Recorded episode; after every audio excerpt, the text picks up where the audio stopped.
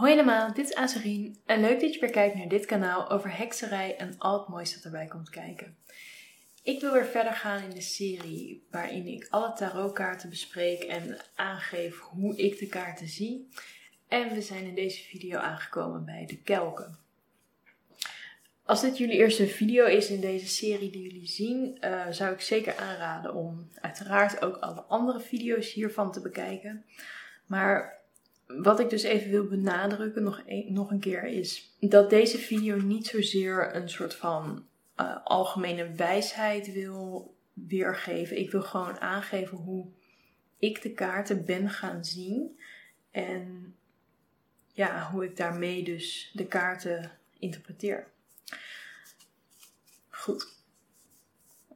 Um, en misschien is het dan ook wel goed om even te herhalen dat ik de minor arcana zie als een logisch verloop van uh, het ontwikkelen van een bepaald element. En de kelken zijn daar.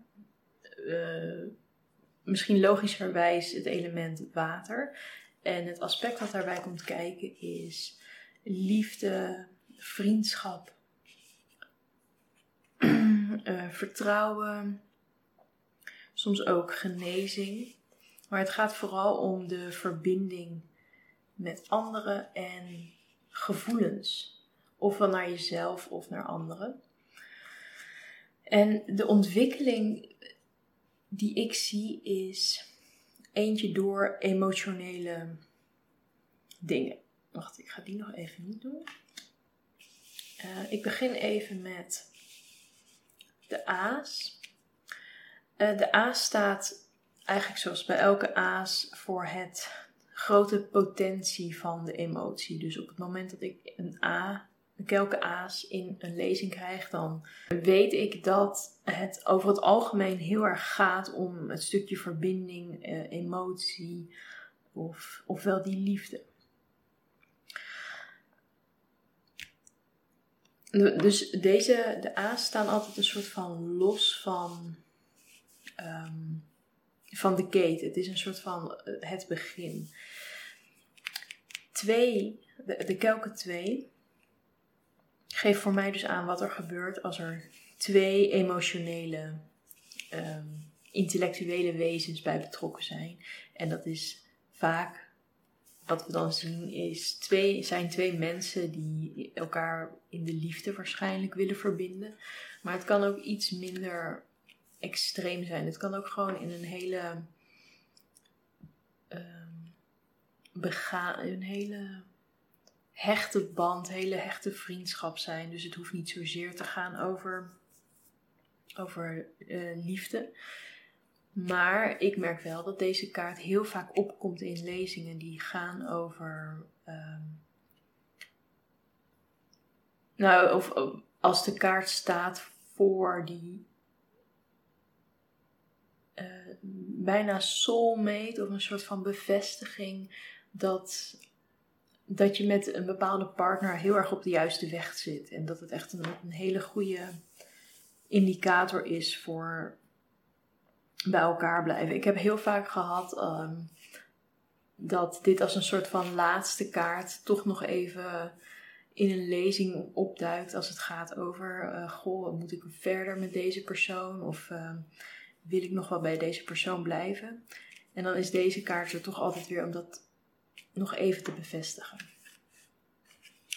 Goed, de kelken 3.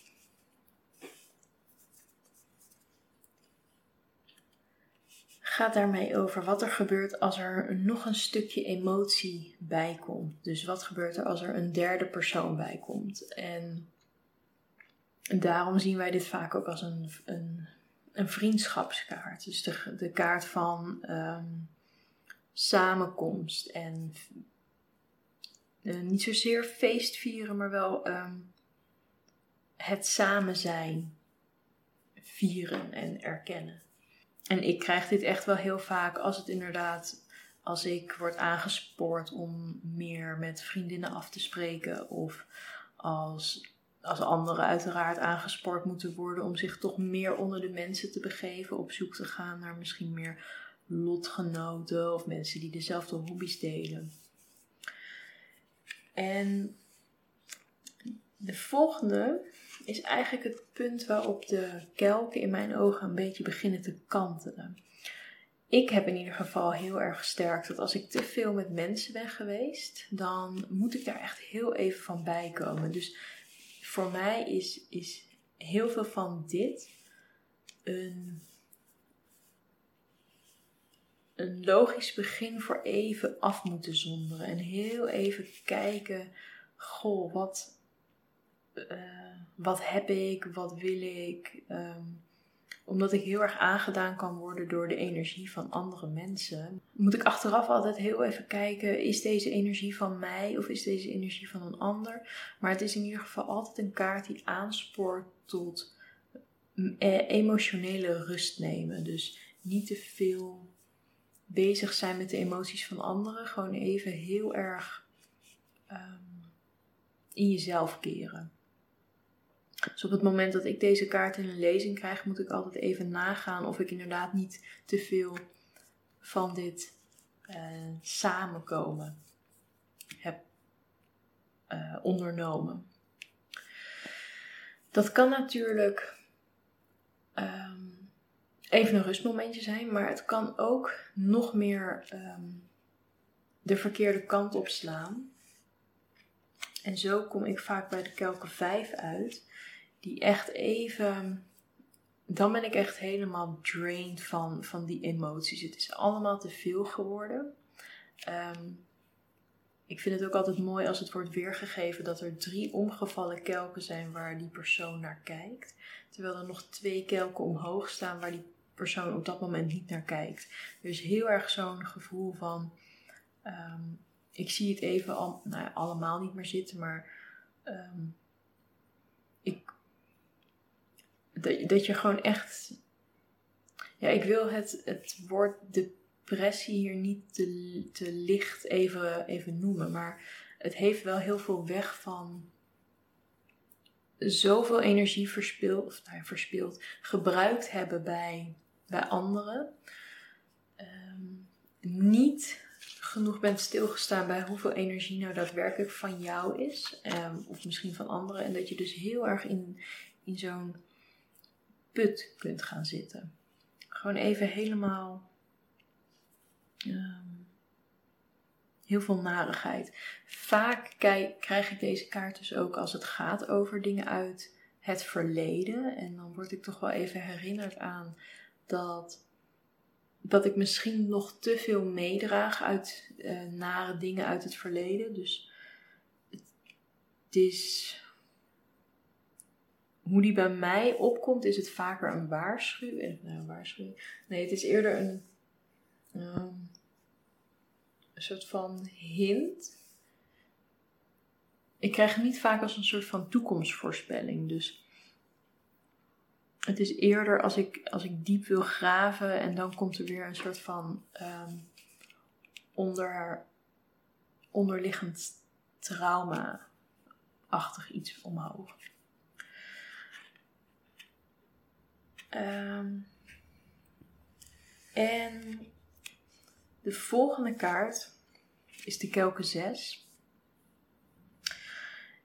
Zie ik als de kaart die dus na de kelke 5 komt. En dan komt er een soort van um, nostalgie bij kijken.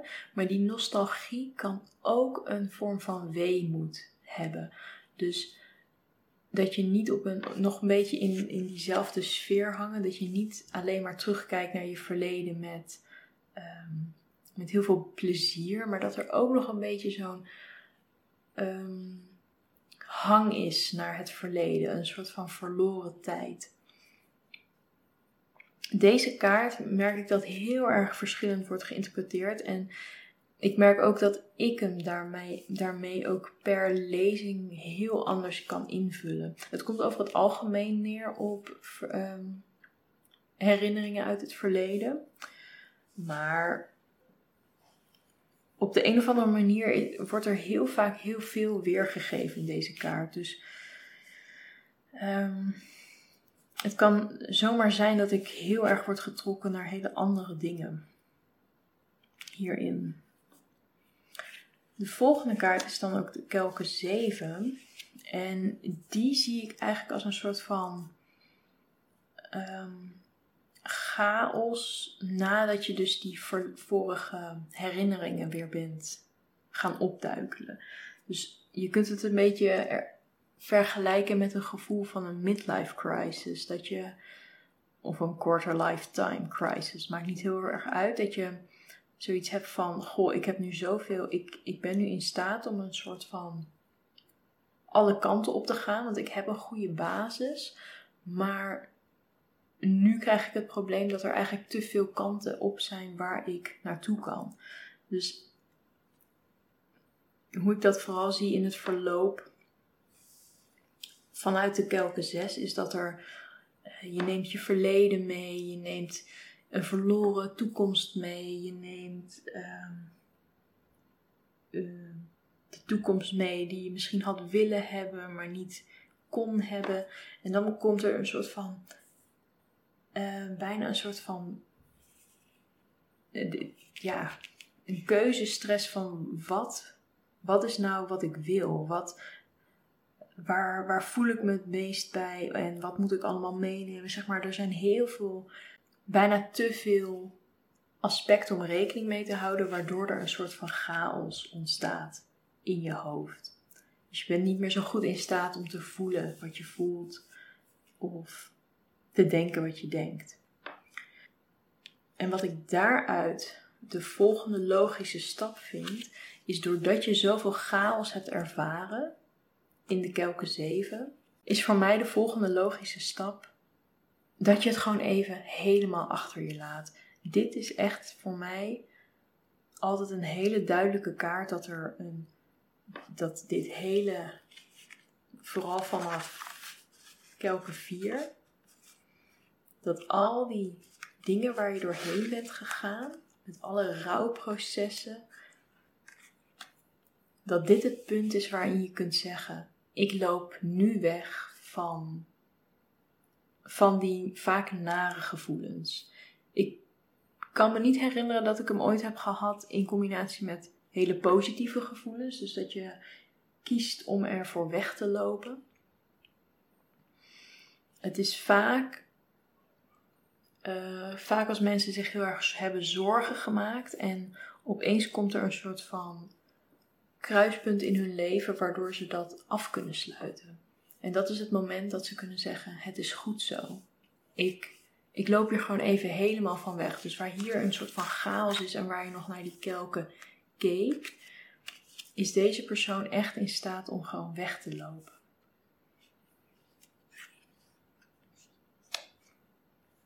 En ik denk dat dat het punt is dat we, dat we eigenlijk weer een beetje een opklimmende weg gaan zien in de kelken, uh, kelken 9. Ik denk dat jullie dat ook wel eens hebben ervaren. Dat op het moment dat je je gewoon helemaal overgeeft aan ehm, aan een bepaald moment, dat dan juist al het positieve en goede dingen op je pad komen.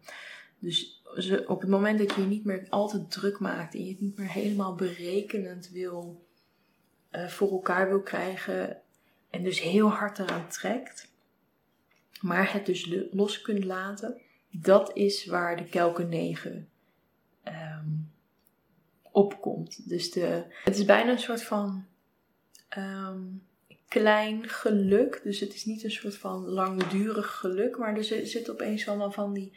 Oh, kijk nou, ehm, ik kan mijn studie halen. Of uh, ik kan toch mijn huis betalen. Als dat een van de zorgen was waar je heel erg mee, mee zat. Of ik mag mijn baan blijven houden. Dat zijn allemaal een beetje van die. Um, hoe noem je dat? Um, Het zijn gelukkige gebeurtenissen. Dus één klein gelukkige gebeurtenis maakt natuurlijk niet een leven lang van geluk. Maar het zijn wel die, die stappen waar je doorheen moet. Dus dit is echt heel vaak een, een aanduider dat, dat dat zeker in het verschiet ligt. En de laatste kaart is dus ook de Kelke 10. En dit is het contrast met deze. Kelke 10 vind ik echt een de meest prachtige boodschappen van het tarotdek. En gaat voor mij echt over dat ehm, een, een puur geluk van, van welzijn. Dus het is niet alleen maar een uh, combinatie van gelukkige gebeurtenissen. Er is een, een vorm van rust. Er is gewoon uh, het idee van het leven is goed. En wat ik ook altijd heel mooi vind, is dat je hier waarschijnlijk een gezinnetje ziet. Met waarschijnlijk uh, papa, mama en twee kindjes. En in plaats van dat zij heel veel rijkdom om zich heen hebben, hebben ze gewoon een mooie regenboog. Hier op de achtergrond een klein huisje, wat ik altijd denk dat dat in ieder geval hun huis is. Dus ze hebben onderdak, maar ze hebben ook vooral een stralende lucht. En ze zijn blij, ze zijn aan het dansen, zij omarm, uh, hebben elkaar uh, omarmd. En dit is daarmee vaak echt een soort van het pure vorm van geluk. Weet je, dus het is ook niet zo dat geluk een optelsom is van allemaal van dit soort geluksmomenten. Op het moment dat je dit bereikt hebt in je leven, dan kun je ook heel veel tegenslag aan. Geluk is namelijk ook helemaal niet het, de afwezigheid van tegenslag. Geluk is meer de weerbaarheid van tegenslag. En dat zit hierin.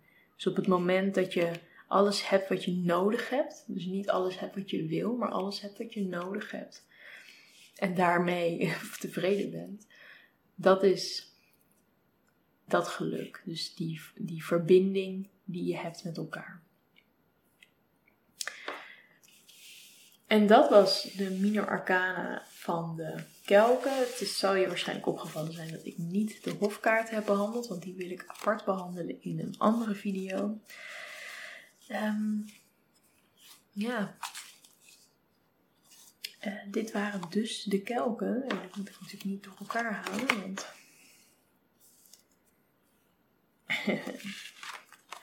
ik hoop dat ik jullie hier heel erg mee heb geholpen. Misschien heb ik dingen gezegd die totaal niet aanslaan bij jou. En dat is helemaal niet erg. Ik wil echt heel erg graag benadrukken dat je de tarot zeker moet lezen op de manier zoals het jou het beste uitkomt of hoe het het beste voelt. Ehm, dit is in ieder geval hoe ik heb gemerkt dat de kaarten zich vaak aan mij um, tonen. En dat heeft dus niks te maken met hoe het gelezen moet worden, maar zo is het een soort van uh, ontstaan. Dus ik lees die energie als, als dusdanig. Goed, uiteraard als je vragen hebt hierover, hoor ik dat graag via een mail of in de reacties hieronder. En daarmee wil ik jullie heel erg bedanken voor het kijken van deze video en hoop ik jullie snel weer te zien in de volgende. Oké, doei!